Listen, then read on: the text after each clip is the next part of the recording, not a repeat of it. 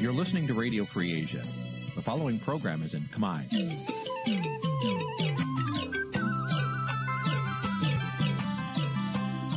Nǐ chi càm bi tiệp xáy vệt chiu a zì sê ray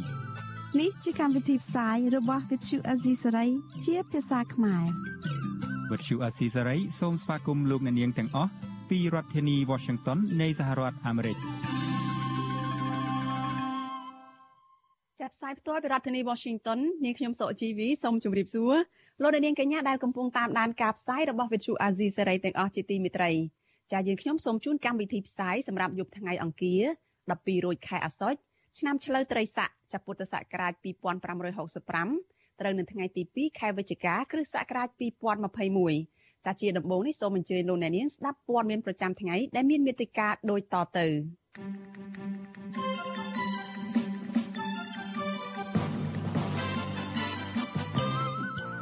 អ្នកវិភាគសង្ស័យថាការប្រកាសលក់វិឡារបស់លោកកឹមសុខាអាចជាប់ពាក់ព័ន្ធនឹងគម្រោងធ្វើនយោបាយឡើងវិញប៉ូលីសថៃបន្តឃុំខ្លួនពលករខ្មែរ7នាក់ទៀតដោយមិនបញ្ជាក់ពីមូលហេតុពិតប្រាកដចានីតិវេទិកាអ្នកស្ដាប់វិទ្យុអាស៊ីសេរីនៅយប់នេះនឹងជជែកពីសារៈសំខាន់នៃយុទ្ធនាការជួយទៅដល់ស្ត្រីដែលរងអំពើហិង្សានិងការរំលោភបំពានរួមនឹងព័ត៌មានផ្សេងៗមួយចំនួនទៀត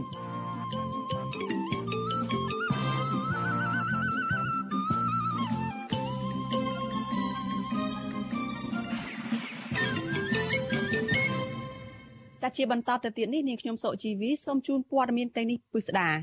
ចាលោកនេះជាទីមេត្រីអ្នកវិភាគសង្ស័យថាការប្រកាសលក់វីឡាតម្លៃជាង2លានដុល្លាររបស់ប្រធានគណៈបកសង្គ្រោះជាតិគឺលោកកឹមសុខា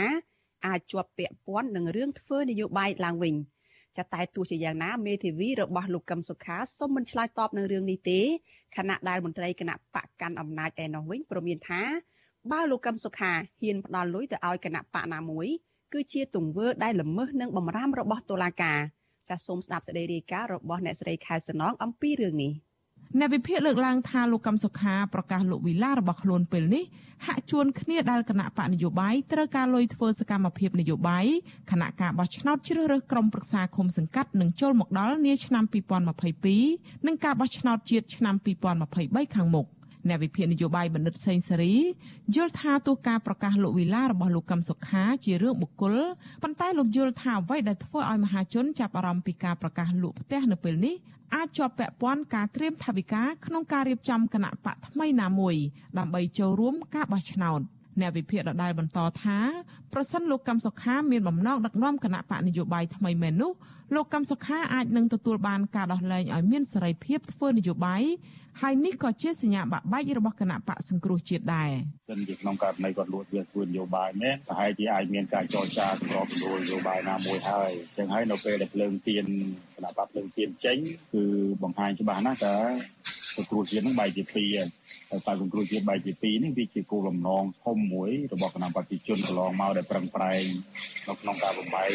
គណៈបព្វសង្គ្រោះជាតិណាចឹងហើយបើសិនជាក្នុងករណីលើកទៀនចេញក៏ប្រហែលជា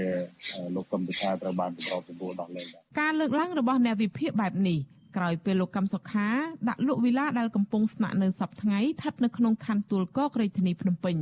តាមគេហទំព័រអចលនទ្រព្យមួយកាលពីពេលថ្មីថ្មីនេះ វិឡាដែលមានបន្ទប់ដី6បន្ទប់ទឹក8និងមានអាងហែលទឹកផងនោះជាទីដែលសមត្ថកិច្ចចូលទៅចាប់ខ្លួនលោកកឹមសុខាទាំងកណ្ដាលយប់កាលពី4ឆ្នាំមុន។ចាប់តាំងពីពេលនោះគណៈបកសង្គ្រោះជាតិក៏ត្រូវបានរបបក្រុងភ្នំពេញរំលាយដែរទោះយ៉ាងណាមកដល់ពេលនេះយ៉ាងហោចណាស់មានគណៈបកចំនួន7បានកើតចេញពីអតីតមន្ត្រីគណៈបកសង្គ្រោះជាតិក្នុងចំណោមនោះមានគណៈបកនយោបាយ2 កើតចេញពីមនុស្សចំណិតរបស់លោកកឹមសុខា គឺគណៈបកកែតម្រង់កម្ពុជាដែលមានលោកប៉ុលហំជាប្រធាន និងគណៈបកកម្ពុជានិយមដែលមានលោកយ៉ែមពញ្ញរិទ្ធជាប្រធានជុំវិញរឿងនេះមេធាវីលោកកឹមសុខាគឺលោកផែងហេងសូមមិនធ្វើអត្ថាធិប្បាយទេដែលលោកនិយាយថាជារឿងឯកជនរបស់កូនក្តីលោក វុទ្ធុអាស៊ីសេរីក៏បានព្យាយាមសុំការបំភ្លឺពីមេធាវីលោកកឹមសុខា3រូបផ្សេងទៀតគឺលោកមេធាវីច័ន្ទចេនលោកអាងឧត្តមនិងអ្នកស្រីម៉េងសុភារីប៉ុន្តែទូរស័ព្ទហៅចូលតែគ្មានអ្នកទទួលរីឯអតីតសមាជិកសភាគណៈបកសង្គ្រោះជាតិលោកអ៊ូច័ន្ទរតដែលសប្តាហ៍ថ្ងៃជាស្ថាបនិកគណៈបកកែតម្រង់កម្ពុជាឲ្យវិទ្យុអាស៊ីសេរីដឹងថា អ្នកនយោបាយប្រឆាំងនៅកម្ពុជាតែងរងសម្ពាធផ្នែកហិរញ្ញវត្ថុ ទោះយ៉ាងណាលោកថាលោកមិនបានដឹងអំពីមូលហេតុធ្វើឲ្យលោកកឹមសុខាប្រកាសលក់វិឡានេះឡើយលោកអ៊ូចាន់រតដែលធ្លាប់ជាមនុស្សចំណិតរបស់លោកកឹមសុខាដែរនោះអះអាងថាគណៈបកកែតម្រង់កម្ពុជារបស់លោកមិនជាប់ពាក់ព័ន្ធឬទទួលថវិកាពីលោកកឹមសុខានោះទេខ្ញុំមែនទែនខ្ញុំអត់ដឹងរឿងពិតពីក្រោយខ្នងយ៉ាងម៉េចណា ប៉ុន្តែធម្មតាអ្នកធ្វើនយោបាយគណៈបពប្រឆាំងខ្ញុំជឿថាប្រឈមរឿងវាច្រើនណារឿងរញ្ញវត្ថុរឿងអឺនេះទីបសង្កត់រឿងស្អីស្អីនោះវាច្រើនណាមែនតើទៅអ្នកណាទ្រាំបានក៏បន្តស៊ូទៅលះបង់តទៅទៀតទៅអ្នកណាទ្រាំបានក៏ជុំមួយគេទៅអានឹងឃើញអញ្ចឹងឯងស្រដៀងគ្នានេះដែរស្ថាបនិកគណៈបកកម្ពុជានិយមលោកអ៊ុកអ៊ីធ្លាប់ប្រាប់វិទ្យុអាស៊ីសេរីថាគណៈបករបស់លោក មានប្រភពថវិកាពីសមាជិកគណៈបកតែប៉ុណ្ណោះដោយឡែកអ្នកនាំពាក្យគណៈបកប្រជាជនកម្ពុជាលោកសុកអេសានយល់ថាលោកកឹមសុខាប្រកាសលក់វេលាពេលនេះគឺជាសិទ្ធិរបស់លោកកឹមសុខា ទោះយ៉ាងណា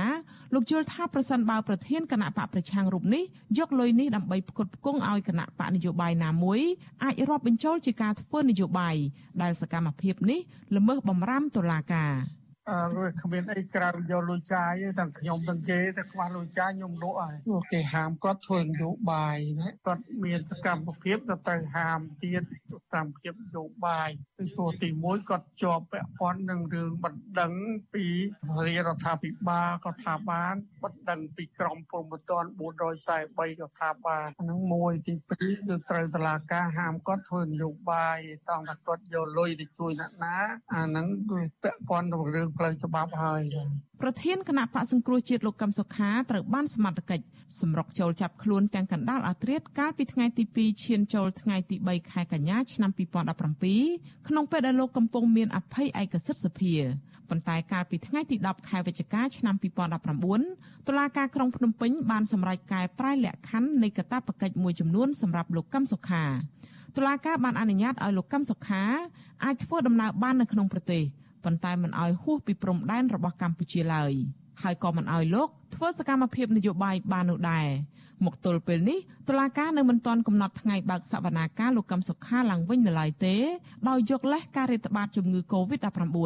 ទោះបីមេធាវីលោកកឹមសុខា ស្នើឲ្យតុលាការបន្តសវនាការឡើងវិញក៏ដោយចោះចា៎នាងខ្ញុំខែសុណងវុទ្ធុអាស៊ីសេរីរាយការណ៍ពីរដ្ឋធានី Washington ចាលោកនាងជាទីមេត្រីលោកអ្នកកំពុងតាមដានការផ្សាយរបស់វិទ្យុអាស៊ីសេរីចាប់ផ្សាយចេញពីរដ្ឋធានី Washington សហរដ្ឋអាមេរិកចាសេចក្តីរាយការណ៍តាក់ទងទៅនឹងស្ថានភាពសិទ្ធិមនុស្សឯនេះវិញចាក្រុមអ្នកជំនាញសិទ្ធិមនុស្សរបស់អង្គការសហប្រជាជាតិចំនួន3រូបអំពាវនាវដល់រដ្ឋាភិបាលកម្ពុជា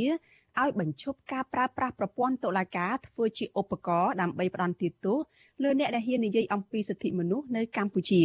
ចាក្រុមអ្នកជំនាញសិទ្ធិមនុស្សទាំងនោះរួមមានអ្នករាយការណ៍ពិសេសទទួលបន្ទុក កិច្ចការសិទ្ធិមនុស្សនៅកម្ពុជាគឺលោកវិទិតមុនថាបនអ្នករាយការណ៍ពិសេសស្ដីពីការលើកកម្ពស់ការការពារសិទ្ធិសេរីភាពបញ្ចេញមតិនិងទស្សនៈគឺអ្នកស្រី Airi Khan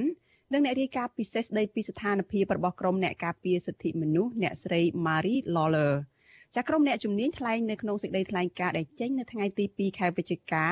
ដោយរិះគន់រដ្ឋាភិបាលកម្ពុជាយ៉ាងខ្លាំងជុំវិញការប្រើប្រាស់ប្រព័ន្ធតុលាការធ្វើជាមធ្យោបាយនៅក្នុងការកាត់បន្ថយវិសាលភាព នៃសកម្មភាពរបស់ប្រជាពលរដ្ឋចាពួកគេអំពាវនាវឲ្យរដ្ឋាភិបាលកម្ពុជា ការពារសិទ្ធិសេរីភាពបញ្ចេញមតិក្រោយពីអ្នកការពារសិទ្ធិមនុស្សនិងសកម្មជននយោបាយសរុប15នាក់នៅក្នុងសំណុំរឿងពីរផ្សេងគ្នាត្រូវបានតុលាការផ្ដន្ទាទោសចាក្រុមអ្នកជំនាញសិទ្ធិមនុស្សទាំងនេះគូបញ្ជាក់ថាពួកគេព្រួយបារម្ភខ្លាំងនិងភ្ញាក់ផ្អើលដែលថារដ្ឋាភិបាលកម្ពុជាកំពុងតែប្រើប្រាស់តុលាការគឺជាមធ្យោបាយ គឺជាមធ្យោបាយនៅក្នុងការបំបិតសម្លេងរិះគន់របស់អ្នកដែលហ៊ាននិយាយរិះគន់រួមទាំងសកម្មភាពអហិង្សាដែលត្រូវបានការពារដោយសិទ្ធិសេរីភាពនៃការបញ្ចេញមតិចាការរិះគន់ពីសំណាក់ក្រុមអ្នកជំនាញសិទ្ធិមនុស្សទាំងនេះធ្វើឡើងបន្ទាប់ពីអ្នកការពារសិទ្ធិមនុស្សចំនួន7នាក់ដែលជាសមាជិកខ្មែរថាវរៈនិងក្រុមសមាជិកសមាគមសម្ព័ន្ធនិស្សិតបញ្ញវន្តខ្មែរ ត្រូវបានតុលាការផ្តន្ទាទោសដាក់ពន្ធនាគាររហូតដល់ទៅ20ខែកាលពីថ្ងៃទី26ខែតុលាចាអ្នកទាំងនោះរួមមានអ្នកស្រីឈឿនដារាវីលោកហ៊ុនវណ្ណៈប្រដេចប្រគុណកើតសារាយលោកថាឡាវី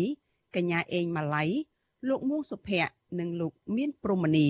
ចាក្រៅពីនោះតុលាការក៏បានផ្តន្ទាទោសសមាជិកគណៈបកសង្គ្រោះជាតិចំនួន7នាក់ផ្សេងទៀតផងដែរ ក្រុមអ្នកជំនាញសិទ្ធិមនុស្សទាំងនេះក៏បានរិះគន់ករណីតុលាការកាត់ទោសអនិច្ចជនដែលមានជំងឺអូទីសឹមនិងជាកូនប្រុសរបស់សកម្មជនគណៈបកប្រឆាំងកំពុងជាប់ឃុំគឺកុមារៈកសវណ្ណឆៃឲ្យជាប់ពន្ធនាគាររយៈពេល8ខែ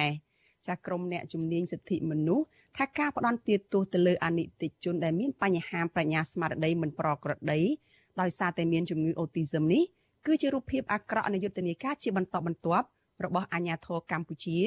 នៅក្នុងការបំផិតបំភ័យនិងការប្រើប្រាស់ហិង្សា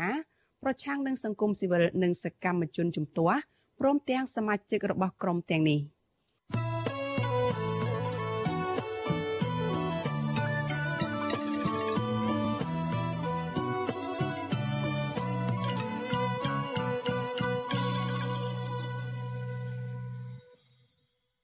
ចាលោកនាងកញ្ញាជាទីមេត្រីចាតុលាការខេត្តក្រចេះបានសម្រេចឃុំខ្លួនម្ដងអាសន្នមេបញ្ជាការកងរាជអាវុធហត្ថនៅក្នុងក្រុងក្រចេះគឺលោកទេពហ៊ុយនិងគូកនដាក់ពន្ធនាគារខេត្តក្រចេះក្នុងសំណុំរឿងវាយធ្វើបាបក្មេងស្រីដែលជាអនិច្ចជន2នាក់ចាចំណាត់ការនេះគឺបន្ទាប់ពីក្មេងស្រីទាំងពីរនាក់នោះនិងគ្រួសារបានចេញមុខលាតត្រដាងអំពើហិង្សានោះជាសាធារណៈនៅតាមបណ្ដាញសង្គមចាអ្នកការពារសិទ្ធិស្ត្រីនិងក្មេងស្រីលើកឡើងថា ការហ៊ានទម្លាយការពិតនៅក្នុងសំណុំរឿងអំពើហិង្សានិងការរំលោភបំពានគឺជាជំហានសំខាន់ជាងគេបំផុតនៅក្នុងដំណើរការជួយសង្គ្រោះនិងផ្ដល់យុត្តិធម៌ទៅដល់ជនរងគ្រោះចាស់នៅក្នុងវេទិកានៃស្ដាប់វិទ្យុអាស៊ីសេរីនៅយប់នេះយើងនឹងពិភាក្សាអំពីមធ្យោបាយជួយឲ្យស្ត្រីនិងក្មេងស្រីក្លាហានចេញមុខលាតត្រដាងអំពើហិង្សាដែលពួកគេជួបប្រទះចាសសូមអធិស្ឋានចាលោកនាងកញ្ញាក៏អាចចូលរួមផ្ដល់យោបល់នៅក្នុងរឿងនេះឬក៏សួរវាគ្មិនរបស់យើង ដោយដាក់លេខទូរស័ព្ទរបស់លោកអ្នកនាងនៅក្នុងប្រអប់សារឬក៏ខ្ទង់ comment របស់ Facebook និង YouTube វិទ្យុអាស៊ីសេរីដែលកំពុងផ្សាយផ្ទាល់នៅពេលនេះចាស់ក្រុមការងាររបស់យើងនឹងហៅទៅលោកអ្នកនាងវិញ។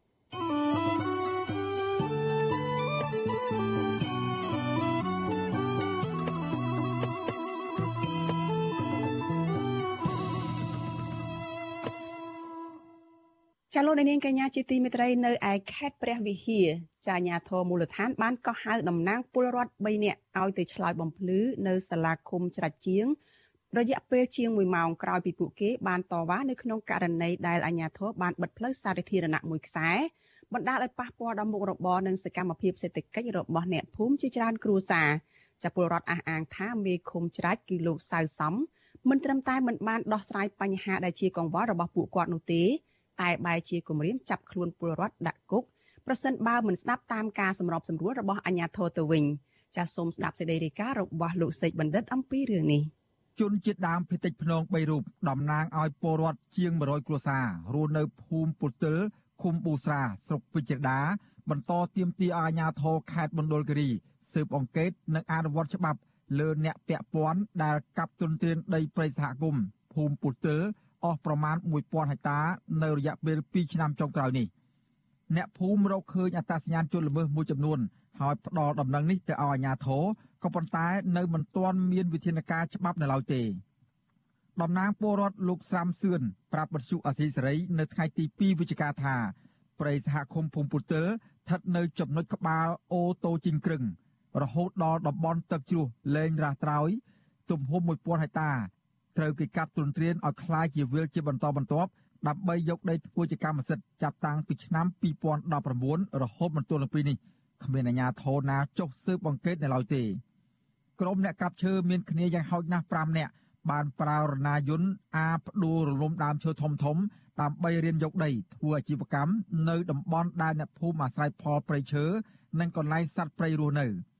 លោកបន្ថែមថាក្រោយពីលោកសរសេរលិខិតស្នើទៅអាជ្ញាធរឃុំឲ្យចុះស៊ើបអង្កេតលើរឿងនេះ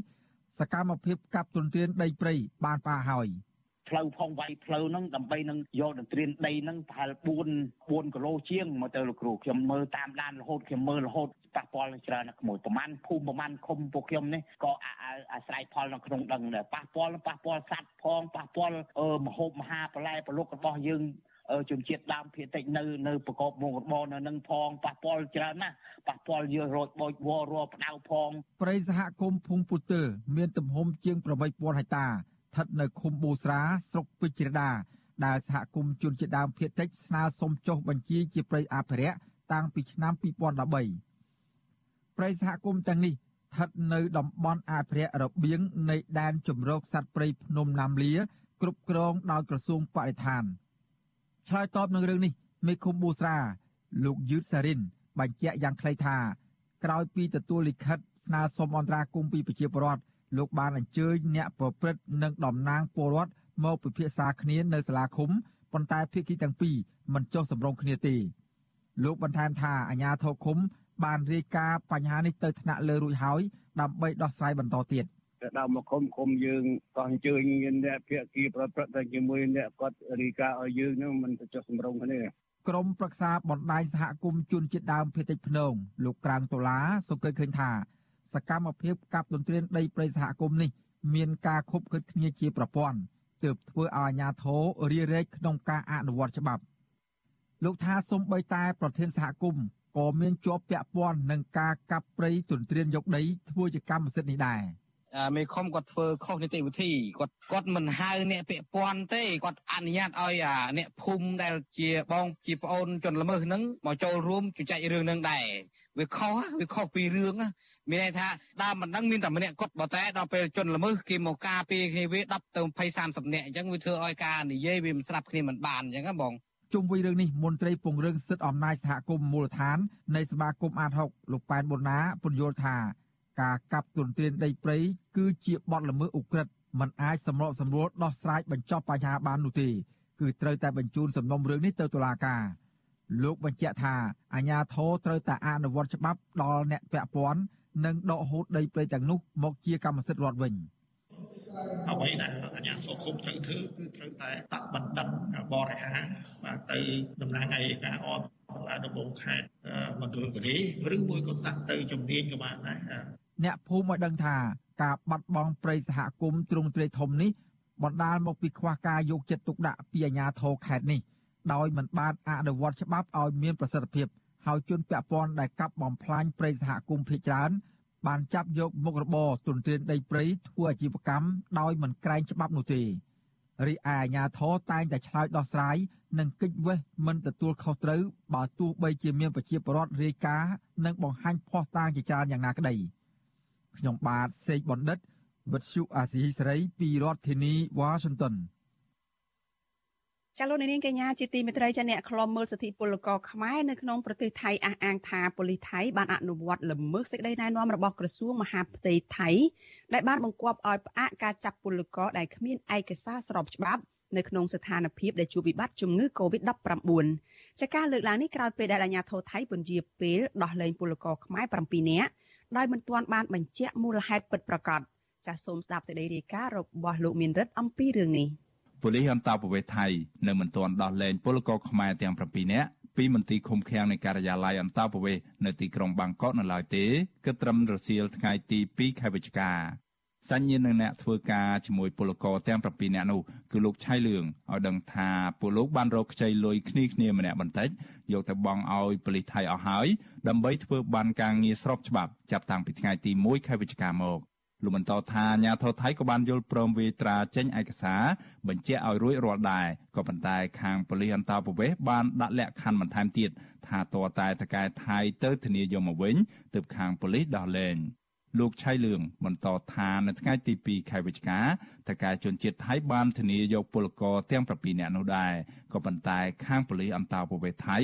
បានបន្តលើកពេលដោះលែងទៅថ្ងៃទី3ខែវិច្ឆិកាបន្តទៀតដោយមិនទាន់បញ្ជាក់ហេតុផលយ៉ាងណានោះទេ ម្នាក់4000ដែលគេយកអស់ហើយណាតែយើងវិញទៅយើងគេនៅតែ10000ទេក្នុង10000នេះគេដើររឿងអីរៀបរយអស់ហើយតែ7នាក់ហ្នឹងព្រោះម្សិលមិញហ្នឹងខ្ញុំបានទៅជាមួយគាត់ហ្នឹងខ្ញុំថតឯកាពីគាត់មកហើយគេហៅថាដេញបីប្រកាសត្រារបស់សមហើយនឹងខ្ញុំថតទៀតមកទូរស័ព្ទខ្ញុំទាំង7នាក់ហ្នឹងឯងទាក់ទងនឹងបញ្ហានេះប៉ូលីសថៃបានប្រាប់ទៅតកែជនជាតិថៃថា ពួកគេនឹងដោះលែងពលករតែ4នាក់ទេនៅក្នុងចំណោម7នាក់នោះព្រោះពលករ3នាក់ទៀតត្រូវបានរកឃើញថាមានឆ្លងជំងឺ Covid-19 លោកឆៃលឿងឲ្យដឹងទៀតថាខាងប៉ូលីសនឹងបញ្ជូនពលករឆ្លង Covid-19 ទាំង3នាក់ទៅព្យាបាលក៏ប៉ុន្តែមិនបានប្រាប់ទីតាំងថានៅកន្លែងណានោះទេ ប៉ូលីសថៃបានចុះឈ្មោះចាប់ក្រុមពលករចំនួន7នាក់នោះកាលពីថ្ងៃទី23ខែតុលានៅក្នុងពេលដែលតំណាងពលករប្រមាណ50នាក់បានជួបជុំគ្នាដាក់ញត្តិស្នើសុំដំណោះស្រាយផ្នែកការងារនៅមុខក្រសួងការងារថៃប៉ូលីសថៃបានចោទថាពលករសំណង់ទាំង7នាក់នោះគ្មានឯកសារស្របច្បាប់នឹងត្រូវចាប់បញ្ជូនភ្លាមៗទៅឃុំឃាំងនៅពន្ធនាគារនៃការិយាល័យអន្តោប្រវេសន៍នៅក្រុងបាងកក ការឆ្មក់ចាប់អ្នកគ្មានឯកសារស្របច្បាប់ក្នុងប្រទេសថៃតែងតែកើតមានឡើងជារឿយៗលើពលករខ្មែរឡាវនិងភូមាដែលកំពុងធ្វើការនៅក្នុងប្រទេសថៃ ក៏ប៉ុន្តែអ្នកខ្លាំមើលអះអាងថាការចាប់ពលករនៅក្នុងស្ថានភាពដែលថៃកំពុងជួបនៅវិបត្តិជំងឺ Covid-19 បែបនេះគឺជាករណីល្មើសនឹងសេចក្តីសម្រេចរបស់ក្រសួងមហាផ្ទៃថៃដែលរដ្ឋាភិបាលថៃធ្លាប់ប្រកាសលើកលែងឯកសារផ្លូវច្បាប់នានាឲ្យពលកររហូតដល់មានការធូរស្រាលនៃការឆ្លងជំងឺ Covid-19 ឡើងវិញ ប្រធានមូលនិធិពលករខ្មែរប្រចាំប្រទេសថៃលោកសុនសីហា សង្កេតឃើញថាបើទោះបីជារដ្ឋាភិបាលថៃដាក់ចេញនៅបំរាមបែបនេះក៏ដោយក៏អាជ្ញាធរថៃតែងតែចោះចាប់និងគំរាមពលករបរទេសដែលគ្មានឯកសារច្បាប់ជារឿយៗ លោកថាភ ieck ច្រើនប៉ូលីសថៃបានឆ្មក់ចាប់ពលករភ្លាមភ្លាមហើយគំរាមពលករមិនឲ្យផ្សព្វផ្សាយព័ត៌មានចេញទៅក្រៅទេ ជាថ្នូវនឹងការតម្រូវឲ្យបង់លុយក្រៅផ្លូវការឬរត់ការចេញឯកសារស្របច្បាប់និងដោះលែងវិញជាដើម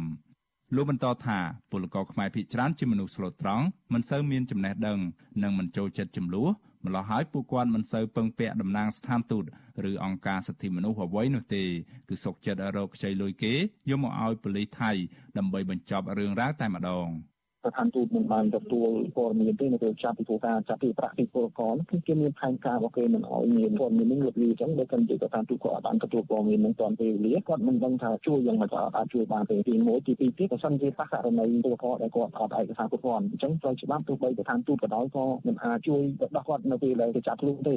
ចាប់តាំងពីប្រទេសថៃជុំនៅវិបត្តិជំងឺ Covid-19 មក ពលករជាច្រើនបានបាត់បង់ការងារធ្វើគ្មានប្រាក់ចំណូលដែលជាហេតុធ្វើឲ្យពួកគាត់គ្មានលទ្ធភាពធ្វើបានការងារស្របច្បាប់ការធ្វើបានការងារឬការបន្តបានការងារមានសុពលភាពម្ដងរយៈពេល2ឆ្នាំហើយត្រូវចំណាយលុយសរុបទាំងថ្លៃរថការសេវារដ្ឋនិងការពិនិត្យសុខភាពជាដើមប្រមាណជាង10000បាតឬប្រហែលជាង400ដុល្លារអាមេរិក ជុំវិញករណីនេះ Visual C ស្រីមិនអាចសុំការបញ្ជាក់ពីឯកអគ្គរដ្ឋទូតកម្ពុជាប្រចាំប្រទេសថៃលោកអ៊ូកសុភ័ណ្ឌនិងអ្នកនាំពាក្យក្រសួងការបរទេសនិងសហប្រតិបត្តិការអន្តរជាតិលោកកុយគួងបាននៅឡើយទេ នៅថ្ងៃទី2ខែវិច្ឆិការបាយការណ៍របស់អង្គការសង្ត្រាល់បង្ហាញថានៅមុនពេលប្រទេសថៃជួបនៅវិបត្តិជំងឺ Covid-19 មានពលករខ្មែរធ្វើការនៅក្នុងប្រទេសនេះជិត2លាននាក់រួមបញ្ចូលទាំងពលករមានបានការងារនិងពលករគ្មានបានការងារ មន្ត្រីអង្គការសង្ត្រាប្រចាំប្រទេសថៃលោកលឹងសុផុនបញ្ជាក់ថាគិតត្រឹមខែតុលាមានពលករខ្មែរជាង1000នាក់ត្រូវបានអាជ្ញាធរថៃចាប់បានពេលឆ្លងដែនចូលប្រទេសថៃដោយខុសច្បាប់ភាគច្រើននៃពលករខ្មែរទាំងនោះត្រូវចាប់បញ្ជូនត្រឡប់ទៅកម្ពុជាវិញនិងមួយចំនួនទៀតដាក់ពន្ធនាគារក្នុងប្រទេសថៃខ្ញុំបាទមេរិត Visual C ស្រីរាយការណ៍ពីរដ្ឋធានី Washington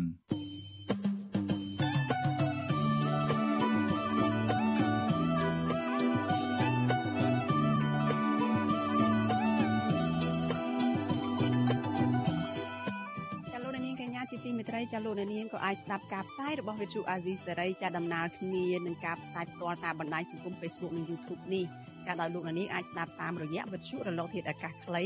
តាមកម្រិតនិងកម្ពស់ដូចតទៅនេះចាប់ពេលព្រឹកចាប់ពីម៉ោង5កន្លះដល់ម៉ោង6កន្លះតាមរយៈរលកធាតុអាកាសខ្លី9390 kHz ស្មើនឹងកម្ពស់ 32m និង11850 kHz ស្មើនឹងកម្ពស់ 25m ចាប់ពេលយប់ចាប់ពីម៉ោង7កន្លះដល់ម៉ោង8កន្លះតាមរយៈរលកធាតុអាកាសខ្លី9390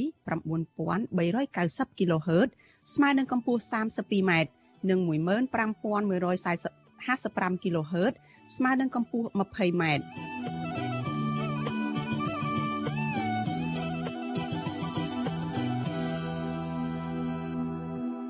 ចាលោកនាងកញ្ញាប្រិមិត្តជាទីមេត្រីចាតកតងនឹងការឆ្លងរាលដាលជំងឺ Covid-19 ឯនេះវិញអ្នកជំងឺ Covid-19 ចំនួន6អ្នកទៀតបានស្លាប់ក្នុងនោះ4អ្នកគឺជាអ្នកដែលមិនបានចាក់ថ្នាំបង្ការជំងឺនេះឬក៏យើងហៅថាចាក់វ៉ាក់សាំងនោះទេចាករណីឆ្លងថ្មីគឺមានចំនួន89អ្នកដែលជាលទ្ធផលបញ្ជាក់ដោយម៉ាស៊ីនពិសោធន៍ PCR ចាប៉ុន្តែតួលេខនេះគឺមិនបានរាប់បញ្ចូលលទ្ធផលដែលពិនិត្យតាមឧបករណ៍តេស្តរហ័សឬ Rapid Test នោះទេ ចាស់គិតត្រឹមព្រឹកថ្ងៃទី2ខែវិច្ឆិកានេះកម្ពុជាមានអ្នកកើតជំងឺ Covid-19 ជាង118,000នាក់ក្នុងនោះអ្នកជាសះស្បើយមានប្រមាណជាង115,000នាក់ចំណែកករណីស្លាប់ដោយសារជំងឺ Covid-19 នេះវិញក្រសួងអះអាងថាបានកើនឡើងដល់ជាង2700នាក់ចាស់ចំពោះការចាក់វ៉ាក់សាំងបង្ការជំងឺ Covid-19 វិញគិតត្រឹមថ្ងៃទី1ខែវិច្ឆិកាម្សិលមិញ ក្រសួងសុខាភិបាលថារដ្ឋាភិបាលចាក់ជូនប្រជាពលរដ្ឋដែលមានអាយុចាប់ពី12ឆ្នាំឡើងទៅនោះបានជាង100%ហើយនៅក្នុងចំណោមអ្នកដែលត្រូវចាក់សរុបជិត12លាននាក់ចាស់ទោះបីជារដ្ឋាភិបាលចាក់វ៉ាក់សាំងបានលើសផែនការហើយយ៉ាងនេះក្តីក៏ចំនួនអ្នកស្លាប់ដោយសារតែជំងឺ Covid-19 នៅតែគួរឲ្យព្រួយបារម្ភដដែលចាស់អ្នកស្លាប់ដោយសារជំងឺនេះគឺមានចន្លោះពី6ទៅ10នាក់ឬស្មើនឹងជិត7%នៃចំនួនអ្នកឆ្លងជំងឺ Covid-19 នៅក្នុងមួយថ្ងៃមួយថ្ងៃ ច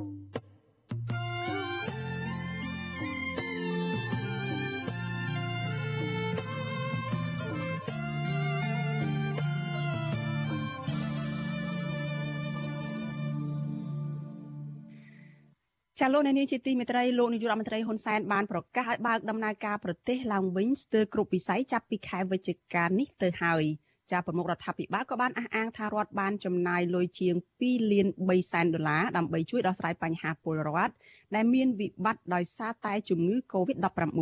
ចាប់ប៉ុន្តែនៅក្នុងរយៈពេលជិត2ឆ្នាំមកនេះកម្មករសេដ្ឋកិច្ចក្រៅប្រព័ន្ធនិងផ្នែកសេវាកំសាន្តនៅតែត្អូញត្អែថារដ្ឋមិនបានយកចិត្តទុកដាក់ដល់ពួកគាត់នោះឡើយ។ចតាមានមូលហេតុអ្វីខ្លះដែលរដ្ឋមើលរំលងកម្មករនៅក្នុងវិស័យទាំងនេះចតាពួកគាត់ត្រូវប្រឈមនឹងបញ្ហាអ្វីខ្លះបន្តទៅទៀត ចាសសូមលោកអ្នកនាងរងចាំស្ដាប់នឹងទស្សនាកិច្ចសម្ភាសអំពីរឿងនេះនៅក្នុងការផ្សាយរបស់យើងដែលនឹងចាប់ផ្ដើមនៅម៉ោង8កន្លះដល់ម៉ោង9យប់ដែលសម្របសម្រួលដោយលោកមួងណារ៉េត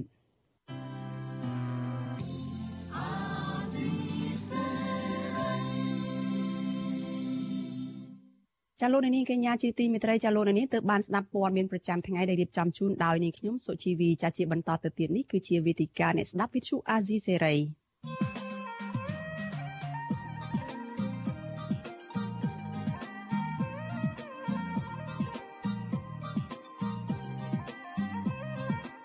វេទិកាអ្នកស្ដាប់វិទ្យុអាស៊ីសេរី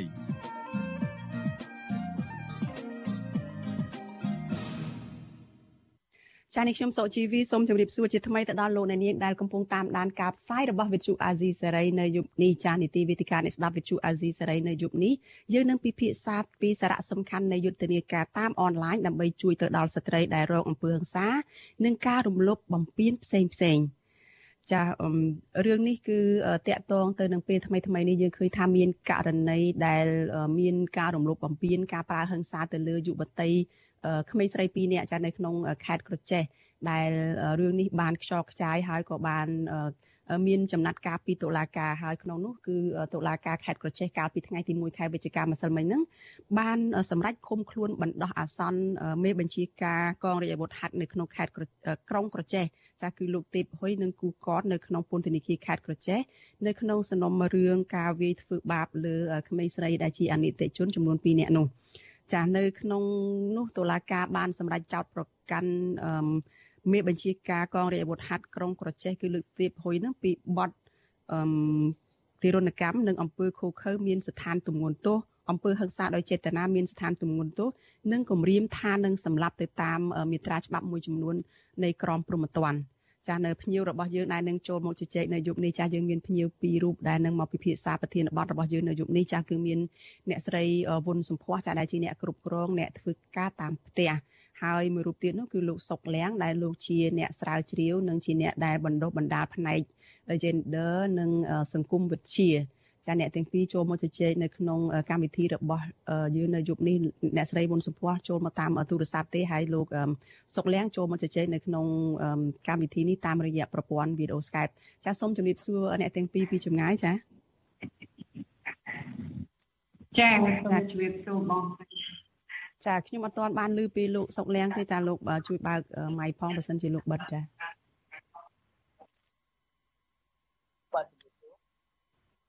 ចាចាបានលឺហើយប៉ុន្តែដូចជារៀងខ្សោយបន្តិចចាជួយលោកជួយនិយាយឲ្យលឺលឺតិចផងផងមកចាចា ចាតកតងទៅនឹងករណីអំពើហិង្សាដែលកើតមានឡើងលើស្ត្រីនិងក្មេងស្រីនេះចាស់ក្រមអ្នកដែលការពារសិទ្ធិស្ត្រីនឹងលើកឡើងថាការដែលស្ត្រីដែលជាជនរងគ្រោះនឹងហ៊ានចេញមុខមកបកស្រាយឬក៏លាតត្រដាងពីអំពើហិង្សាដែលពួកគាត់ពួកគាត់បានជួបប្រទះនឹងគឺជាជំហានមួយដ៏សំខាន់ណាស់នៅក្នុងការស្វែងរកយុត្តិធម៌សម្រាប់ពួកគាត់ឬក៏ជួយទៅដល់ពួកគាត់ដូច្នេះនៅយុគនេះយើងនឹងជជែកពិភាក្សាថាតើមានមធ្យោបាយយ៉ាងណាខ្លះដើម្បីជំរុញឲ្យក្មេងស្រីឬក៏ស្ត្រីដែលរងនៅអំពើហិង្សាហ្នឹងគាត់ហ៊ានចេញមកបកស្រាយហ៊ានចេញមកបង្ហាញជាសាធារណៈឬក៏បង្ហាញទៅអ្នកដែលគាត់គិតថាអាចជួយសង្គ្រោះគាត់បាននឹងពីករណីអំពើហិង្សាដែលពួកគាត់បានជួបប្រទះនៅក្នុងពេលដែលពួកគាត់ធ្វើការឬក៏គាត់ ស្ថិតនៅទីណាមួយឬក៏នៅជីវភាពរស់នៅប្រចាំថ្ងៃរបស់ពួកគាត់នោះហើយជួបអំពើហិង្សាដែលជាការរំលោភបំពានសិទ្ធិជាការធ្វើបាបលើរាងកាយផ្លូវចិត្តអីពួកគាត់ជាដើមហ្នឹងចានេះខ្ញុំសូមចាប់ផ្ដើមកិច្ចពិភាក្សាដោយផ្ដល់សំណួរទៅលោកសុកលៀងមុនទៅចាលោកសុកលៀងតើមានសារៈសំខាន់យ៉ាងម៉េចខ្លះទៅនេះខ្ញុំបានលើកខ្លះខ្លះហ្នឹងតើសំខាន់យ៉ាងម៉េចនៅពេលដែលម្ចាស់ខ្លួនអ្នកដែលជាជនរងគ្រោះហ្នឹងក្លាហានហ៊ានចេញមកនិយាយ តាមទីសាធារណៈដូចក្នុងករណីនៅឯខេត្តក្រចេះនេះយើងឃើញថាក្មេងស្រី2នាក់ដែលមានអាយុ12ឆ្នាំទាំងពីរនាក់ដែលត្រូវមេបញ្ជាការកងរាជអាវុធហត្ថខេត្តក្រុងកញ្ចេះនឹងគាត់ប្រើហិង្សាដាក់នឹងគាត់បានចេញមុខមកលាតត្រដាងពីអំពើហិង្សានឹងតាមបណ្ដាញសង្គម Facebook ចឹងទៅហើយមានคลิปវីដេអូដែលគេចែករំលែកតតគ្នានៅក្នុងបណ្ដាញសង្គមនឹងទៅហើយគ្រួសាររបស់គាត់នឹងទៀតក៏ជាអ្នកដែលគ្រប់គ្រងជាអ្នកដែលក្លាហានចេញមកតតាំងរឿងក្តីនឹងដែរ តើវាសំខាន់យ៉ាងម៉េចខ្លះនៅក្នុងការជួយជនរងគ្រោះនៅក្នុងការហ៊ានចេញមុខមកបកស្រាយបែបហ្នឹងចា៎បាទជាបឋមខ្ញុំសូមជម្រាបសួរប្រិយមិត្តអ្នកស្ដាប់តើតើជាមួយនឹងសំណួរដែលបានលើកឡើងអំពីសារៈសំខាន់នេះខ្ញុំគិតថាវាមានសារៈសំខាន់នៅក្នុងការដែលជនរងគ្រោះគាត់មានច្រកមួយយន្តការមួយដើម្បី ដាក់នៅមិនដឹងរបស់គាត់នៅពេលដែលគាត់ទទួលរងនៅអំពើហិង្សាឬក៏ការបៀតបៀនឬក៏អំពើហិង្សាផ្សេងៗទាំងអញ្ចឹងកាប់ទៅពលរដ្ឋគាត់ដឹងថាទៅគាត់គាត់មានច្រកមួយដើម្បីធ្វើការបដិងដើម្បីដាក់បណ្ដឹងហ្នឹងប៉ុន្តែយើងដឹងថាមានយន្តការមួយចំនួនដែលប្រសិនបើគាត់ប្រើទៅគាត់អាចនឹងមិនទទួលបានលទ្ធផលភ្លាមភ្លាមឬក៏គាត់អាចទទួលរងគ្រោះអំពីយន្តការមួយចំនួនអញ្ចឹងខ្ញុំគិតថា ពលរដ្ឋដែលប្រើប្រព័ន្ធផ្សព្វផ្សាយនៅក្នុងពេលបច្ចុប្បន្ននេះគាត់សិតតែបានមើលប្រព័ន្ធផ្សព្វផ្សាយហើយគាត់ឃើញថាប្រើប្រាស់ហើយនឹងមើលប្រព័ន្ធផ្សព្វផ្សាយគាត់មើលឃើញថាមានសកម្មភាពមួយចំនួន មានអំពើអយុត្តិធម៌មួយចំនួន មានអំពើមានជនរងគ្រោះឯសារអំពើហិង្សាមួយចំនួន ដែលគាត់បានប្រើប្រាស់ប្រព័ន្ធនេះហើយធ្វើការផ្សព្វផ្សាយអំពីភាពរងគ្រោះរបស់គាត់ ហើយយើងឃើញថានៅពេលដែលមានការផ្សព្វផ្សាយបានទូលំទូលាយមានការគ្រប់គ្រងពីពីប្រជាជន ពីអាជ្ញាធរមូលដ្ឋានហើយនិងពីថ្នាក់ដឹកនាំហើយមែនតើទៅចំណាត់ការដែលកើតឡើងដោយសារតែការ post នៅក្នុង Facebook អំពីភាពរងគ្រោះហើយនិងអំពើហិង្សានេះបានទទួលការចាប់អារម្មណ៍ខ្លាំងហើយមានភាពផលផុសនៅក្នុងការជួយជ្រោមជ្រែងដូចជា នៅក្នុងនេះខ្ញុំលើកឧទាហរណ៍ដូចជាយើងឃើញថាមានជនរងគ្រោះស្ត្រីកម្ពុជាមួយចំនួនដែលគាត់ទៅធ្វើការចំណាក់ស្រុកនៅប្រទេសផ្សេងផ្សេងដល់ប្រទេសម៉ាឡេស៊ីប្រទេសចិនឬក៏ប្រទេសផ្សេងផ្សេងទៀតហ្នឹងយើងមិនដែលបានដឹងថាគាត់នៅណាហើយគាត់ទៅដោយរបៀបណាហើយយើងក៏អត់បានដឹងថាគាត់រងគ្រោះដោយរបៀបណាដែរប៉ុន្តែនៅពេលណាមួយនោះដែលគាត់មានឱកាសគាត់បានប្រើប្រាស់ប្រព័ន្ធនេះហើយគាត់ថតរូបគាត់ឬក៏ថតសម្លេងគាត់ ផ្សព្វផ្សាយតាម Facebook ទៅតាមប្រព័ន្ធផ្សព្វផ្សាយសង្គមធ្វើឲ្យមានចលនាមួយជួយគ្រប់គ្រងគាត់ហើយនឹងមានចំណាត់ការមួយដែលលឿនដូច្នេះប្រព័ន្ធផ្សព្វផ្សាយសង្គមនាពេលបច្ចុប្បន្ននេះគឺមានសារៈសំខាន់ណាស់ហើយចំណុចមួយទៀតដែលយើងគិតថាមានសារៈសំខាន់ក៏មែនតើទៅវាវាអាចធ្វើឲ្យរំលងនៅយន្តការអញ្ញាធរនៅតាមមូលដ្ឋានដែលមានស្រាប់ មួយចំនួននៅក្នុងនេះនេះក៏ប៉ុន្តែប្រហែលជាពលរដ្ឋមួយចំនួនគាត់បានប្រើប្រាស់យន្តការដែលមានស្រាប់នៅថ្នាក់ក្រោមជាតិអីដែរប៉ុន្តែប្រសិទ្ធភាពមិនបានទទួលដូចដែលគាត់ប្រើប្រាស់បណ្ដាញផ្សព្វផ្សាយសង្គមដូច្នេះហើយការដែលគាត់ហ៊ានចេញមុខមកធ្វើការផ្សព្វផ្សាយហើយនឹងរាយការណ៍លាតត្រដាងអំពីអំពើហិង្សាដែលបានកើតឡើងឬការបៀតបៀនដែលបានកើតឡើងនេះវាមានសារៈសំខាន់ខ្លាំងណាស់ដែលធ្វើឲ្យគាត់ ទទួលបានយុត្តិធម៌ហើយនឹងទទួលបានការគ្រប់គ្រងក្នុងករណីដែលប្រសិនបើគាត់មិនធ្វើបែបនេះទេគាត់មិនទទួលបានភាពយុត្តិធម៌សម្រាប់ខ្លួនគាត់ឬក៏ក្រុមគ្រួសាររបស់គាត់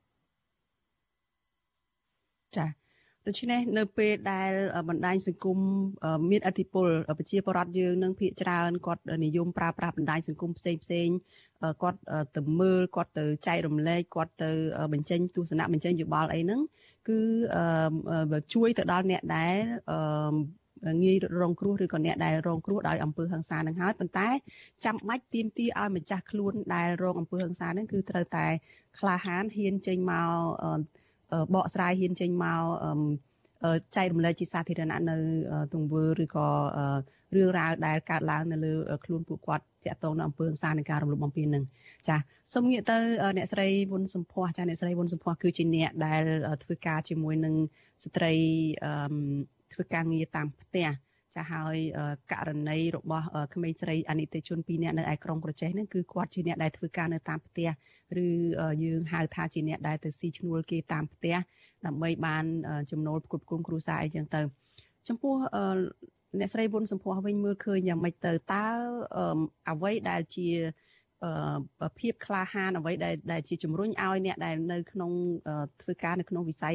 ការងារតាមផ្ទះហ្នឹងអាចហ៊ានចេញមកបកស្រាយហ៊ានចេញមកទម្លាយរឿងដែលពួកគាត់ជួបប្រទះនឹងយ៉ាងម៉េចបានទៅចា៎ ចាអរអរគុណច្រើនបងស្រីអ្នកសម្របសម្រួលហើយក៏សូមអរគុណទៅដល់ខាងវិទ្យុអសិសរីដែលបានអញ្ជើញខ្ញុំមកចូលរួមក្នុងជីវគ្មិនក្នុងយុគនេះហើយក៏សូមគោរពនឹងជំរាបសួរទៅដល់បងប្អូនជនរួមជាតិទាំងអស់ដែលតែងតែតាមដានការស្ដាប់ការផ្សាយផ្ទាល់របស់វិទ្យុអសិសរីហើយក៏ដូចសូមគោរពទៅដល់វាដៃគូវាគ្មិនរបស់យើងក្នុងយុគនេះផងដែរចាអពាក់ព័ន្ធជាមួយនឹងករណីប្រើអំពើហិង្សាទៅលើក្មេងស្រីដែលជាកុមារនៅខេត្តកញ្ចេះគឺ ក្នុងពេលបច្ចុប្បន្ននេះកំពុងតែកក្រើកបានន័យថាកក្រើកតឡាការ Facebook មួយចំនួនគាត់កំពុងតែកាត់ក្តីអ្នកខ្លះគាត់បន្ទោសទៅជនរងគ្រោះថាជនរងគ្រោះនឹងធ្វើបាបឆ្កែឬក៏មានមូលហេតុអីផ្សេងៗទៀតប៉ុន្តែសម្រាប់ខ្ញុំក្នុងនាមខ្ញុំជាអ្នកធ្វើការការពារសិទ្ធិមនុស្សហើយក្នុងនាមខ្ញុំជាស្ត្រីខ្ញុំពិតជាមានមោទនភាពចំពោះពួកគាត់នៅពេលដែលមិនមែនមោទនភាពនៅពេលដែលគេប្រាំអំពើហិង្សាលើពួកគាត់ទេប៉ុន្តែមោទនភាព គាត់ជាគំរូសម្រាប់ក្មេងស្រីឬក៏កម្មករធ្វើការតាមផ្ទះដទៃទៀតដែលហ៊ានក្រោកឈរហ៊ាននិយាយអំពីបញ្ហាពួកគាត់តម្រាំតែគាត់ផ្ទុះចេញនៅបញ្ហានេះមិនដឹងថាគាត់មានរឿងអីនៅពីក្រោយនឹងទៀតទេតម្រាំគាត់ហ៊ានបញ្ចេញអញ្ចឹងអីដែលដែលខ្ញុំមើលឃើញគឺភាពក្លាហានរបស់គាត់ខ្លួនឯងទី2ទី1ទី2គឺកត្តាគ្រួសាររបស់គាត់ដោយសារតែគាត់មានកត្តាជួយជំរុញពីគ្រួសារពីឪពុកម្ដាយ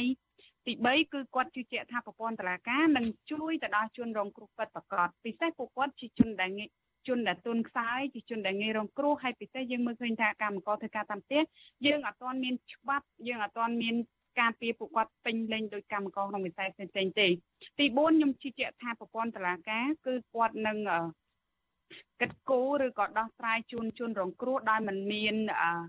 มันមានការរើសអើងហើយនឹងរយុទ្ធធម៌ពិតជូនជនរងគ្រោះអានេះចំណុចទាំង4នេះខ្ញុំមើលឃើញថាវាជាកត្តាជំរុញឲ្យជនរងគ្រោះក៏ដូចជាស្ត្រីផ្សេងទៀតដែលគាត់កំពុងតែស្ថិតនៅក្នុងការគៀបសង្កត់ព្រោះអីបងប្អូនយើងដឹងហើយថាអ្នកដែលធ្វើការតាមផ្ទះពួកគាត់ភាគច្រើនជាអ្នកដែលនៅក្នុងម្ចាស់ផ្ទះដែលបិទចិត្តអញ្ចឹងបញ្ហាទាំងអស់លុះត្រាតែខ្លួនគាត់ជាសម័យខ្លួននឹងគាត់ហ៊ានតតាំងគាត់ហ៊ានបង្ហាញថាគាត់ជួបបញ្ហាទៅយើង អ្នកដែលជាអង្គការសង្គមស៊ីវិលឬក៏ជាអ្នកពាក់ព័ន្ធផ្សេងៗទៀតទើបអាចជួយពួកគាត់បានអានេះវាកត្តាដែលសំខាន់បំផុតគឺកត្តាខ្លួនឯងដែលគាត់មានភាពក្លាហានប៉ុណ្ណានៅក្នុងការចែករំលែកអំពីបញ្ហារបស់គាត់ចា៎ចា៎បន្តមកសួរទៀតទៅចាអ្នកស្រីវុនសំពោះតើធ្វើយ៉ាងម៉េចដើម្បីឲ្យអ្នកដែលគាត់ទទួលរងអំពើហិង្សានឹងហ៊ានចេញមក អឺក្លាហានទៅតាមការចោទបានរបស់ក្រុមអង្គការសង្គមស៊ីវិលហ្នឹងពីព្រោះថាកន្លងមកហ្នឹងករណីអំពើហិង្សាដែលកើតទៅលើអ្នកដែលធ្វើការនៅតាមផ្ទះជាពិសេសគឺស្ត្រីហ្នឹងគឺក្រៅពីពីការរំលោភបំពានលើរាងកាយហ្នឹងក៏រំលោភបំពានផ្នែកការងារហ្នឹងក៏មានការរំលោភបំពានផ្លូវភេទទៅទៀតដែលជារឿងសង្គមយើងចាត់ទុកថាជារឿងដែលត្រូវតែបិទបាំងមិនចង់បញ្ចេញមិនឲ្យមានការ បែកធ្លាយទៅជាសាធារណៈទេនាំឲ្យប៉ះពាល់ដល់កិត្តិយសគ្រួសារអីចឹងទៅតើធ្វើយ៉ាងម៉េចដើម្បីពួកគាត់ក្លាហានមិនថាករណីអំពើហិង្សាបែបណាដែលកើតឡើងលើពួកគាត់ទេគឺគាត់ត្រូវតែហ៊ានចេញមកនិយាយដើម្បីឲ្យសង្គមនឹងបានដឹងបានជួយដោះស្រាយគាត់ឲ្យគាត់រួចផុតពីអំពើហិង្សានឹងចា៎ចាសម្រាប់សម្រាប់ខ្ញុំខ្ញុំគិតថាបើសិនជាស្អីដែលដែលជំរុញឲ្យធ្វើឲ្យស្ត្រីជនរងគ្រោះផ្សេងទៀតគាត់ក្លាហានអឺ ពួកគាត់ត្រូវតែក្លាហានក្រោកឈរឡើងនៅក្នុងការចូលរួមជាមួយសហជីពសមាគមឬអង្គការសង្គមស៊ីវិលណាដែលធ្វើការការពារសិទ្ធិការពារប្រយោជន៍របស់ពួកគាត់ពិតប្រាកដនៅពេលដែលគាត់ចូលជាមួយសមាគមចូលជាមួយសហជីពសមាគមសហជីពទាំងអស់ហ្នឹងគេនឹងបណ្ដុះបណ្ដាពួកគាត់អំពីជំនាញនៅក្នុងការចរចាជំនាញក្នុងការដោះស្រាយបញ្ហាឬក៏របៀបនៃការរាយការណ៍ព័ត៌មាននៅពេលដែលគាត់មានបញ្ហានៅកន្លែងដែលគាត់កំពុងមានបញ្ហាអញ្ចឹងតើគាត់រាយការណ៍ឬក៏គាត់ទៅបញ្ជូនព័ត៌មានទៅអ្នកណា បើសិនជាគាត់អត់ទាន់ដឹងពីសិទ្ធិជាមូលដ្ឋានរបស់គាត់ទេគាត់អត់ទាន់ដឹងថាអ្នកខ្លះនៅពេលដែលជនរងគ្រោះគាត់តែងតែបន្ទោសខ្លួនឯងថាមកពីគាត់បានរឿងនឹងកើតឡើងហើយចៃដំចំសង្គមបច្ចុប្បន្នគឺដាក់គំនាបទៅលើជនរងគ្រោះដាក់គំនាបឬក៏អ្នកខ្លះគម្រាមកំហែងអ្នកខ្លះរងប្រឈមនឹងប្រើការប្រាំប្រឹងសាផ្សេងផ្សេងត្រូវមានការគម្រាមកំហែងពីអ្នកមានអំណាចពីអ្នកមានមុខមាត់អីផ្សេងផ្សេងទៀតអញ្ចឹងកត្តាទាំងអស់ហ្នឹង លុះត្រាតែគាត់ចូលរួមជាមួយនឹងស្ថាប័នឬក៏សង្គមស៊ីវិលណាពាក់ព័ន្ធហើយគាត់ព្យាយាមរៀនសូត្រអំពីគាត់អាចព្យាយាមតាមដានព័ត៌មានដែលដែលផ្សាយអំពីសិទ្ធិរបស់កម្មករពីសេរីភាពនៅក្នុងការចូលសហជីពសេរីភាពក្នុងការបង្កើតសហជីពចូលជាសមាជិកសមាគមអីអាហ្នឹងគឺគាត់រឹតតែជំរុញឲ្យពួកគាត់នឹងមានភាពក្លាហានហើយគាត់គួរតែគួរតែឈប់នៅស្ងៀមបើសិនជា គាត់មិនក្រោកឈរឡើងទេបញ្ហាទាំងអស់ហ្នឹងគឺអត់មានអ្នកដោះស្រាយជូនគាត់ទេដោយករណីនៅខេត្តកញ្ចេះដែលខ្ញុំត្រឡប់មកវិញអញ្ចឹងបើសិនជាមិនមានពួកគាត់ជាក្មេងស្រីដែលជនរងគ្រោះពិតប្រាកដចាក្នុងការចូលសហជីពតែភាពក្នុងការបង្កើតសហជីពចូលជាសមាជិកសមាគមអីអាហ្នឹងគឺគាត់រឹតតែជំរុញឲ្យពួកគាត់ចាអ្នកស្រីវុនសំភ័អាចារ្យលឺវិខានេះខ្ញុំទេចាចាចាចាបងលឺ ចាចាអញ្ចឹងបន្តទៅទៀតទៅអញ្ចឹងចាសូមជឿចាអញ្ចឹងលុះត្រាតែគាត់ព្យាយាមសិក្សារៀនសូត្រគាត់ព្យាយាមមើលបណ្ដាញសង្គមណាដែលមានប្រយោជន៍ការពារផលប្រយោជន៍ពិតរបស់កម្មករការពារប្រយោជន៍ការពារសិទ្ធិសេរីភាពហើយគាត់ព្យាយាមចូលជាមួយសហជីពសមាគមឬក៏គាត់ព្យាយាម នៅពេលដែលមានវេទិកាសាធារណៈផ្សេងៗគាត់ព្យាយាមលើកអំពីតម្រូវការរបស់ពួកគាត់បើសិនជាគាត់មិនក្រោកឈរទេពួកយើងមិនដឹងថាគាត់ត្រូវការអីទេអញ្ចឹងលុះត្រាតែពួកគាត់ខ្លួនឯងហើយនឹងសង្គមឬក៏អ្នកមជ្ឈដ្ឋាននៅជុំវិញខ្លួនគ្រួសារហើយក៏ដូចជាម្ចាស់ផ្ទះដូចគ្នាដែរមិនមែនថាអ្នកឯងធ្វើប្រាអំពើហិង្សាលើគេថ្ងៃហ្នឹងគេអត់ក្រោកឈរមិនមែនបានន័យថារួចខ្លួនទេអញ្ចឹងឥឡូវបណ្ដាញសង្គមគឺគឺខ្លាំងមែនទែននៅពេលដែលបង្ហាញពីបញ្ហា គឺម្នាក់ម្នាក់ចាប់ផ្ដើមពុកកជ្រោលហេតុអីបានប្រាអំពើហិង្សាលើគាត់តើគាត់ខុសអីតើគាត់មានបញ្ហាហេតុអីមកយើងមិនដោះស្រាយជូនគាត់ហើយយើងសម័យមើលកូនក្មេងគ្នាអាយុ12ឆ្នាំហើយប្រាអំពើហិង្សាយ៉ាងខុសខើបែបហ្នឹងហើយគាត់គាត់ពិតជារងភាពអយុត្តិធម៌ខ្លាំងមែនទែនអញ្ចឹងខ្ញុំជឿជាក់ថានៅពេលដែលជនរងគ្រោះគាត់ហ៊ានក្រោកឈរឡើងគាត់ហ៊ានតតាំងពីបញ្ហារបស់គាត់ហើយជឿជាក់ថាអាញាធរឬក៏តុលាការនឹងនឹងដោះស្រាយតាមផ្លូវច្បាប់ក៏ដូចជាដោះស្រាយជូនជនរងគ្រោះក៏ដូចជា ធ្វើជាគម្រោងទៅដល់ជនរងគ្រោះផ្សេងទៀតនៅពេលដែលគាត់មានបញ្ហាគាត់ជឿជាក់ប្រព័ន្ធតុលាការគាត់ជឿជាក់លើអាជ្ញាធរថាបញ្ហារបស់គាត់ដែលគាត់ស្នើដែលគាត់ដាក់ជូនទៅអាជ្ញាធរគឺត្រូវដោះស្រាយឲ្យគាត់ទទួលបានយុត្តិធម៌នេះជាអីដែលដែលខ្ញុំគិតថាវាសំខាន់បើសិនជាមានការចូលរួមទាំងប្រមាណផ្នែកដែលខ្ញុំលើកឡើងពីខាងលើចា៎ចា៎ សង្ខេបទៅចំណុចសំខាន់ពីររបស់អ្នកស្រីវុនសុភ័ក្រហ្នឹងគឺទី1ម្ចាស់ខ្លួនខ្លួនឯងដែលរងអំពើហិង្សាហ្នឹងគឺត្រូវក្លាហានត្រូវតែស្វែងយល់ចំណេះដឹងផ្សេងផ្សេងពីការការពារខ្លួនហើយនឹងការដែលស្វែងរកជំនួយជួយខ្លួនឯងហ្នឹងហើយមួយទៀតហ្នឹងគឺសំខាន់ដែរនោះគឺការទុកចិត្តទៅលើអ្នកដែលផ្ដល់ជំនួយនឹងគឺថាទុកចិត្ត គេប្រាប់រឿងរ៉ាវទៅគេប្រាប់ពីតម្រូវការចង់បានដំណោះស្រាយហ្នឹងទៅគេអាចដោះស្រាយឲ្យពួកគាត់បានដោយមានទំនុកចិត្តអញ្ចឹងទៅ ចាសូមងាកមកលោកសុកលៀងវិញចាលោកសុកលៀងតើយ៉ាងម៉េចទៅធ្វើម៉េចដើម្បីឲ្យមានទំនុកចិត្តសម្រាប់ក្រមស្ត្រីដែលគាត់ជាអ្នករងគ្រោះជាអ្នកដែលរងអំពើហិង្សានឹងគេមាននៅតាមបណ្ដាប្រទេសមួយចំនួនហ្នឹងក៏គេមានធ្វើយុទ្ធនាការ តាមអនឡាញព្រមព្រមគ្នាហើយក្នុងនឹងយុទ្ធនាការដែលល្បីនៅក្នុងពិភពលោកនេះគឺមានដូចជាយុទ្ធនាការ Me Too ដែលគេបង្កើតឡើងហ្នឹងហើយគេបានជួយទៅដល់ក្រមស្ត្រីដែលរងអំពើហិង្សាហ្នឹងច្រើនណាស់ហើយគេបានចែករំលែករឿងរ៉ាវហ្នឹងទៅតាមប្រព័ន្ធបណ្ដាញសង្គមគ្រប់បណ្ដាញសង្គមទាំងអស់ដើម្បីឲ្យគេដឹងពីការរំលោភបំពានសិទ្ធិហើយនឹងក៏មានការចូលរួមពីសាធារណជនទៅហើយឲ្យរឿងហ្នឹងបានដោះស្រាយ តើចំពោះកម្ពុជាវិញតើក្រមអង្គការសង្គមស៊ីវិលឬក៏ក្រមណាដែលដែល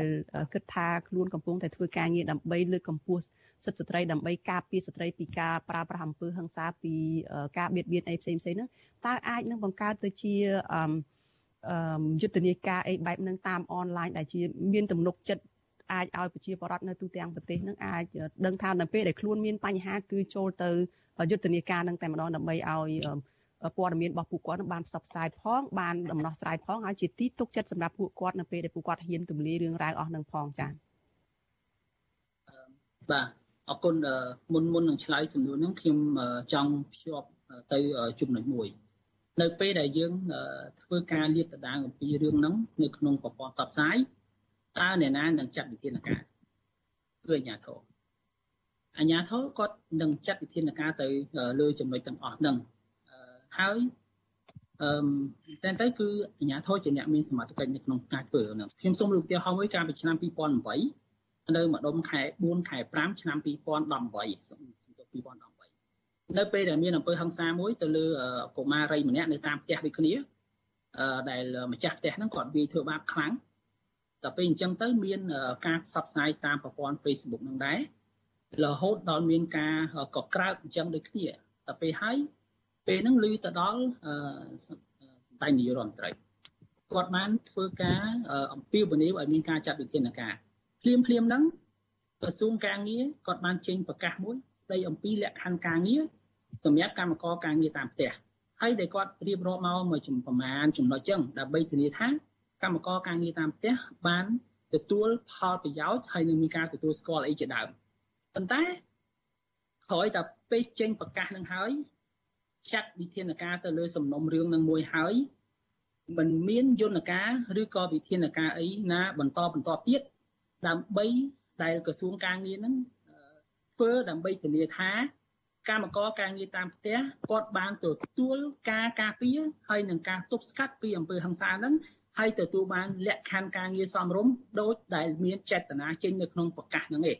មានន័យថាប្រកាសហ្នឹងគឺចេញជាបន្ទាន់នៅពេលដែលមានរឿងនឹងកើតឡើង បន្ទាប់ពីករណីនឹងមួយបានចប់มันបានធ្វើឲ្យមានការផ្សព្វផ្សាយហើយនឹងការអនុម័តជាជាជាក្រិតច្បាប់អីត្រឹមត្រូវដើម្បីការពារកម្មករការងារតាមផ្ទះឲ្យបានទទួលផលប្រយោជន៍ស្របច្បាប់ឬក៏តាមអនុសញ្ញាស្ដីអនុសញ្ញាពលកម្មអន្តរជាតិស្ដីអំពីកម្មករការងារធ្វើធ្វើការងារតាមផ្ទះហើយដូច្នេះចំណុចនេះខ្ញុំយល់ថាវាជាផ្នែកមួយដែលអាជ្ញាធរ នៅពេលដែលមានរឿងនឹងមួយកើតឡើងត្រូវតែរៀបចំប្រព័ន្ធហើយនឹងចំណាត់ការដើម្បីធានាថាបើករណីនឹងបែបនឹងកើតឡើងទៀតគឺយន្តការប្រជាជនបានដឹងគាត់បានប្រើប្រាស់យន្តការហ្នឹងបាទហ្នឹងខ្ញុំគិតថាត្រូវតែមានយន្តការហ្នឹងពីព្រោះចុងក្រោយទោះបីយើងលាតត្រដាងរឿងហ្នឹងតាមរបៀបណាក៏ដោយក៏ត្រូវតែអាជ្ញាធរគាត់ជាអ្នកចាត់វិធានការដែរបាទតកតងជាមួយនឹងសំណួរដែលស្ដីអំពីយុទ្ធនាការនៅក្នុងការផ្សព្វផ្សាយនេះ ខ្ញុំគិតថាបងប្អូនប្រជាពលរដ្ឋដែលគាត់រងគ្រោះដោយសារអំពើហិង្សាដែលគាត់ជាអ្នកធ្វើការងារតាមផ្ទះឬក៏ការអំពើហិង្សានៅកន្លែងការងារអំពើហិង្សានៅក្នុងគ្រួសារការបៀតបៀនផ្លូវភេទនៅកន្លែងការងារហើយនឹងតាមទីសាធារណៈផ្សេងៗហ្នឹងគាត់ខ្ញុំគិតថាមុននឹងពួកគាត់សម្រេចចិត្តថាមកលាតត្រដាងអំពើទាំងអស់នេះជាសាធារណៈគាត់បានគិតច្រើនណាស់ខ្ញុំគិតថាគាត់គាត់ត្រូវ ឆ្លងកាត់នៅឧបសគ្គជាច្រើនជាពិសេសឧបសគ្គនៅក្នុងខ្លួនគាត់តែម្ដងថាការធ្វើបែបហ្នឹងតើនឹងមានផលជះវិជ្ជមានឬក៏អវិជ្ជមានបែបណាខ្លះពីព្រោះនៅក្នុងសង្គមដែលមានដូចជាយើងដែលឲ្យតម្លៃបរោះជាធំនេះជាទូទៅនៅពេលដែលមានបញ្ហារំលោភបំពាន ជាពិសេសឧទាហរណ៍បៀតបៀនផ្លូវភេទឬក៏អំពើហិង្សាអីផ្សេងផ្សេងផ្លូវភេទដែលកើតឡើងហ្នឹងគេតែងតែមានទម្លាប់នៅក្នុងការដាក់បន្ទុកទៅលើជនរងគ្រោះហើយបន្ទោសជនរងគ្រោះហើយនឹងសួរសំណួរជាច្រើនដែល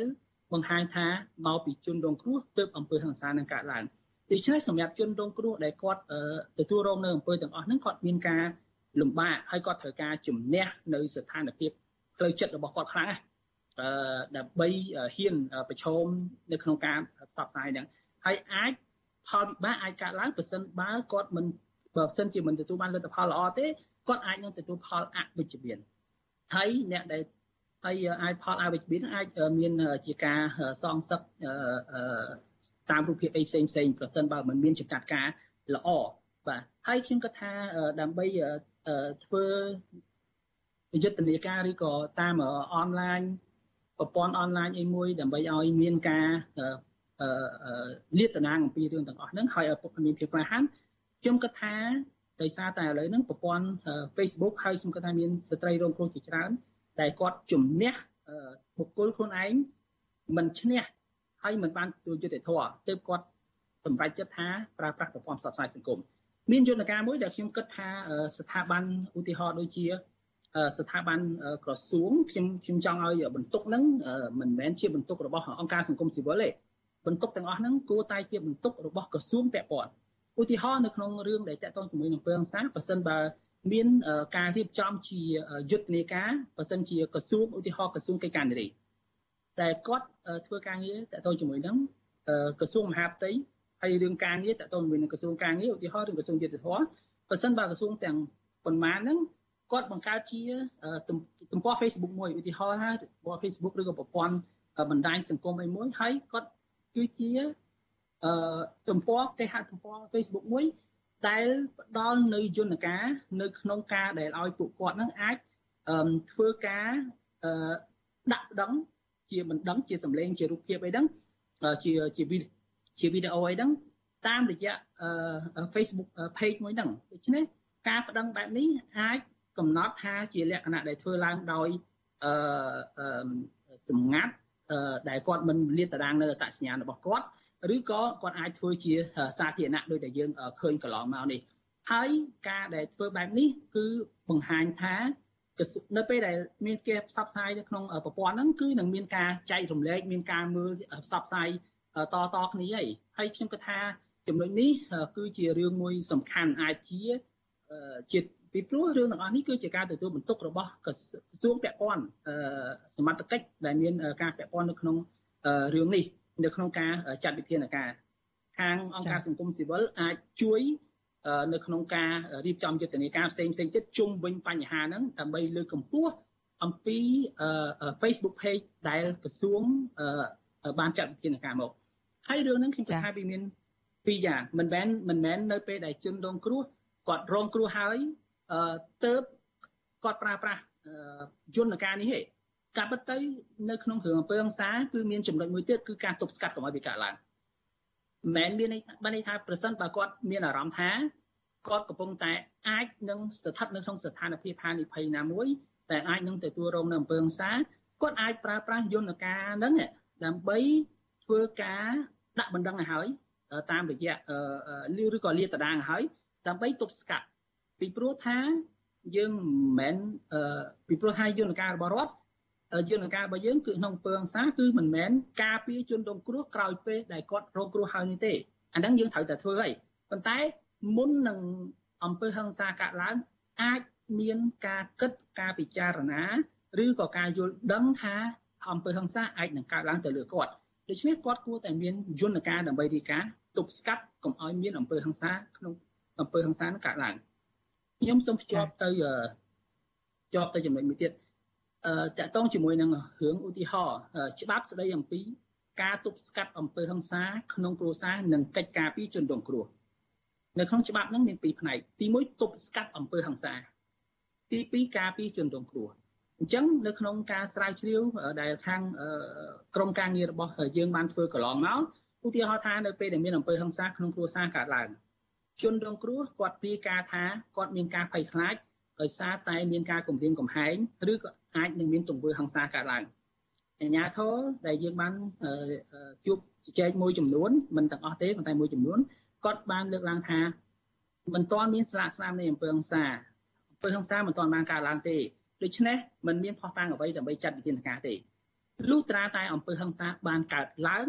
ទើបគាត់មានផុសតាងយកទៅចាត់វិធានការ ដូច្នេះវាបានធ្វើឲ្យបាត់ចំណែកដ៏សំខាន់មួយ គឺតកតងជាមួយនឹងការទប់ស្កាត់អំពើហិង្សាប៉ុន្តែអ្វីដែលគាត់ធ្វើគឺការពារនៅពេលដែលអំពើហិង្សាបានកើតឡើងទៅវិញដូច្នេះអំពើហិង្សារៀបនឹងកើតឡើង ជនរងគ្រោះអាចដឹងថាវាអាចនឹងកើតឡើង នៅពេលដែលគាត់រាយការណ៍យន្តការទប់ស្កាត់គឺអត់សូវមានប្រសិទ្ធភាព នេះនៅក្នុងចំណោមអាជ្ញាធរមួយចំនួនដែលយើងបានធ្វើការជាមួយមិនមែនទាំងអស់ប៉ុន្តែមួយចំនួនដែលយើងបានសិក្សាជាមួយដូច្នេះយន្តការនេះក៏ដូចគ្នាដែរកុំចាំបាច់ដល់ជនរងគ្រោះអឺរងគ្រោះទៅទៅការពីគាត់ត្រូវទប់ស្កាត់កុំឲ្យវាកើតឡើងបាទចាអឺលោកសុកលៀងមានគំនិតមួយពីរឿងការបង្កើតយុទ្ធនាការនេះគួរតែចេញពីបណ្ដាក្រសួងពាក់ព័ន្ធទៅវិញប៉ុន្តែតាមបទពិសោធន៍ ការដែលបង្កើតឲ្យមានយុទ្ធនាការដែលជាស្ថាប័នឯករាជ្យគឺប្រហែលជាអាចគេបានប្រើប្រាស់ច្រើននៅនៅនៅពេលបច្ចុប្បន្ននឹងពីមុនមកនឹងហើយជួយទៅដល់ជនរងគ្រោះជារបៀបបណ្ដាញអ្នកធ្វើយុទ្ធនាការជាឯករាជ្យចំពោះអ្នកស្រីវុនសំភ័សវិញតើយល់ឃើញយ៉ាងម៉េច នៅពេលដែលករណីអំពើហិង្សាខ្លះគឺកើតឡើងជាបណ្ដាញជាប្រព័ន្ធដូចករណីអំពើហិង្សានៅឯក្រុងប្រសេះក្រុងកញ្ចេះនេះគឺជាមេបញ្ជាការកងរាជអាវុធហត្ថក្រុងកញ្ចេះហើយមានគូកនរបស់គាត់នោះសិតតែជាមន្ត្រី កងរាជអាវុធហត្ថនឹងទៅទៀតដែលធ្វើអំពើហិង្សាទៅលើក្មេងស្រីទាំងពីរនាក់នឹងហើយបើយើងងាកទៅមើលអំពើហិង្សាផ្សេងទៀតប្រហែលជាអាចមានអំពើហិង្សាដែលកំពុងតែលាក់កំបាំងពីភ្នែកយើងនឹងពាក់ព័ន្ធនឹងមន្ត្រីជួររដ្ឋាភិបាលមន្ត្រីធំធំជាបណ្ដាញអីខ្លះផងដែលកើតមានអំពើហិង្សាទៅលើមនុស្សក្រុមណាស្ត្រីក្រុមណាដែលយើងមិនបានដឹងនឹងតើយន្តយន្តការដោយដែលលោកសុកលៀងលើកឡើងថាផ្ដើមចេញពីក្រសួងនេះអាចថាមានប្រសិទ្ធភាពជាទីទុកចិត្តសម្រាប់ឲ្យ ជនរងគ្រោះចេញមកហ៊ាននិយាយហ៊ានលាតត្រដាងពីអំពើហិង្សាទេបើក្នុងករណីដែលមានជាប់ពាក់ព័ន្ធមន្ត្រីជាន់ខ្ពស់មន្ត្រីធំធំរដ្ឋាភិបាលអីចឹងទៅចា៎ក៏ប៉ុន្តែមុនមុនសម្ពោះឆ្លើយក៏ប៉ុន្តែខ្ញុំសល់ចំណុចទី2ដែលខ្ញុំចង់បន្ថែមបន្តិចមិញហ្នឹងតែដោយសារខ្ញុំបានលើកឡើងថាយន្តការទី1ហ្នឹងដោយសារតែនៅពេលដែលមានបញ្ហានឹងកើតឡើងគឺរដ្ឋាភិបាលអាជ្ញាធរជាអ្នកដោះស្រាយដូច្នេះបើសិនបើមានចំណុចហ្នឹងទង្វើដែលយើងទប់ស្កាត់បញ្ហាហ្នឹងគឺ គួរតែរដ្ឋាភិបាលមានការព្រួយដើមហើយចំណុចមួយទៀតគឺនៅក្នុងផ្នែកអង្គការសង្គមស៊ីវិលដែលខ្ញុំថាធ្វើការជុំវិញបញ្ហាហ្នឹងហ្នឹងគឺមានន័យថាអង្គការសង្គមស៊ីវិលគឺជាគឺជាស្ថាប័នដែលមានភាពឯករាជ្យហើយនឹងអាចធ្វើឲ្យប្រជាជន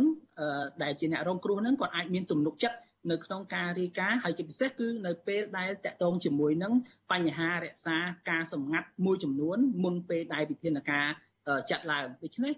ការដែលមានចលនាពីអង្គការសង្គមស៊ីវិលដែលធ្វើការជាមួយនឹងប្រជាពលរដ្ឋលើកកម្ពស់ការយល់ដឹងរបស់ប្រជាពលរដ្ឋនៅក្នុងការលើកឡើងអំពីបញ្ហាទាំងអស់នេះគឺវាមានសារៈសំខាន់ណាស់ហើយអង្គការសង្គមស៊ីវិលដើរតួនាទីសំខាន់ណាស់នៅក្នុងការ